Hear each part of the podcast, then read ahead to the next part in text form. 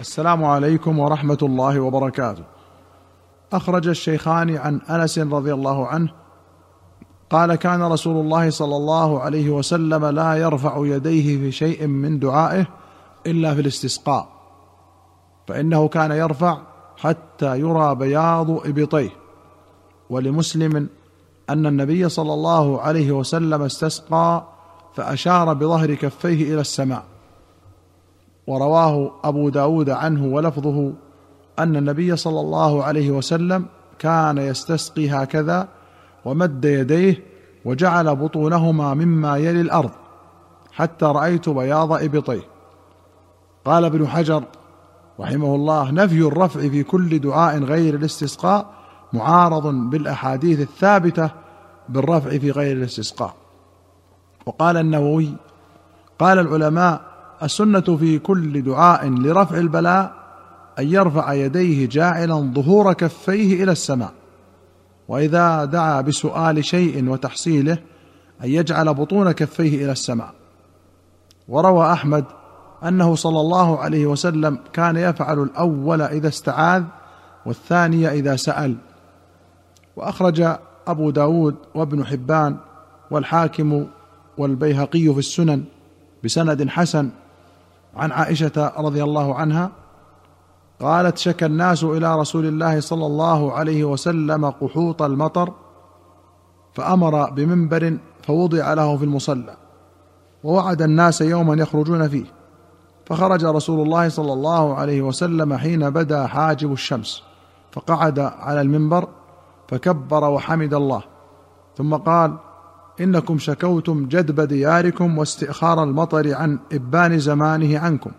وقد أمركم الله أن تدعوه ووعدكم أن يستجيب لكم. ثم قال الحمد لله رب العالمين الرحمن الرحيم ملك يوم الدين لا إله إلا الله يفعل ما يريد. اللهم أنت الله لا إله إلا أنت الغني ونحن الفقراء. وفي رواية البيهقي لا إله إلا أنت أنت الغني ونحن الفقراء. أنزل علينا الغيث واجعل ما أنزلت لنا قوة وبلاغا إلى حين. ثم رفع يديه فلم يترك الرفع حتى بدا بياض أبطيه. ثم حول إلى الناس ظهره وقلب أو حول رداءه وهو رافع يديه. ثم أقبل على الناس ونزل فصلى ركعتين.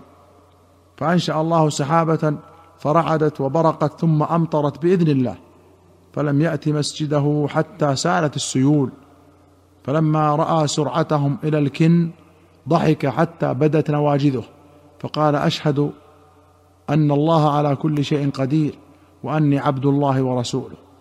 العبارة في كل المصادر لا إله إلا أنت الغني ونحن الفقراء إلا في سنن البيهقي وموارد الظمآن إلى زوائد ابن حبان للهيثمي فالعبارة فيهما لا إله إلا أنت أنت الغني ونحن الفقراء.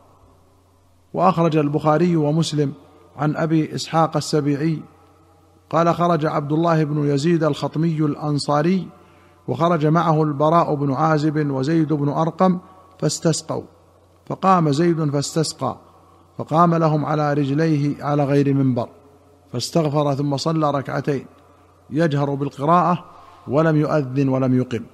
وأخرج البخاري ومسلم عن أنس أن رجلا دخل المسجد يوم الجمعة من باب كان نحو دار القضاء.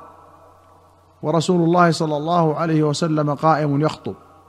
فاستقبل رسول الله صلى الله عليه وسلم قائما ثم قال يا رسول الله هلكت الأموال وانقطعت السبل فادعوا الله يغثنا.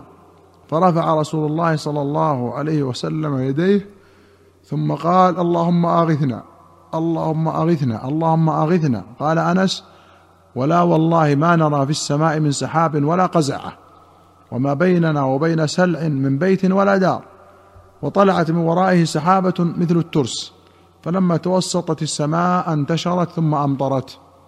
فلا والله ما رأينا الشمس سبتا ثم دخل رجل من ذلك الباب في الجمعة المقبلة ورسول الله صلى الله عليه وسلم قائم يخطب.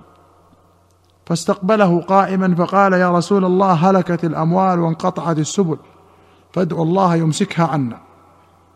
فرفع رسول الله صلى الله عليه وسلم يديه ثم قال اللهم حوالينا ولا علينا اللهم على الآكام والضراب وبطون الأودية ومنابت الشجر فانقلعت وفي رواية فأقلعت وخرجنا نمشي في الشمس. قال شريك بن عبد الله فسألت أنس بن مالك أهو الرجل الأول؟ قال لا أدري. قوله دار القضاء هي دار عمر بن الخطاب رضي الله عنه. سميت بذلك لأنها بيعت في قضاء دينه بعد وفاته كما أوصى. وكان يقال لها دار قضاء دين عمر. ثم اقتصروا فقالوا دار القضاء. والقزعة هي القطعة من الغيب. وقوله سبتا أي اسبوعا كما يقال جمعة. والآكام جمع أكمة وهي الرابية المرتفعة والضراب جمع ضرب وهي صغار الجبال والتلال.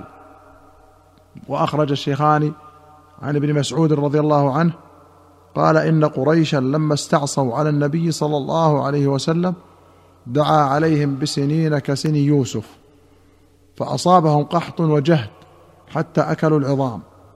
فجعل الرجل ينظر إلى السماء فيرى ما بينه وبينها كهيئة الدخان من الجهد.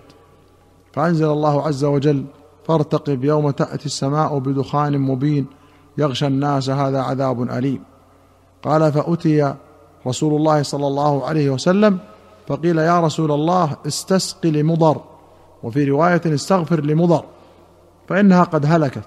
قال لمضر إنك لجريء. فاستسقى لهم فسقوا فنزلت إنكم عائدون. فلما أصابتهم الرفاهية عادوا إلى حالهم حين أصابتهم الرفاهية. فأنزل الله عز وجل يوم نبطش البطشة الكبرى إنا منتقمون. قال يعني يوم بدر. قوله استغفر الله لمضر هكذا وقع في جميع نسخ مسلم. استغفر الله لمضر. وفي البخاري استسقي الله لمضر قال القاضي قال بعضهم استسقي هو الصواب اللائق بالحال لأنهم كفار لا يدعى لهم بالمغفرة.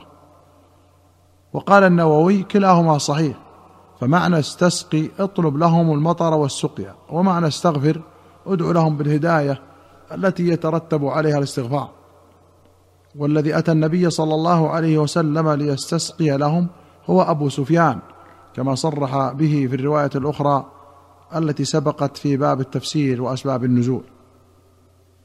باب صلاة الاستخارة. أخرج البخاري عن جابر رضي الله عنه قال كان رسول الله صلى الله عليه وسلم يعلمنا الاستخارة في الأمور كلها كما يعلمنا السورة من القرآن.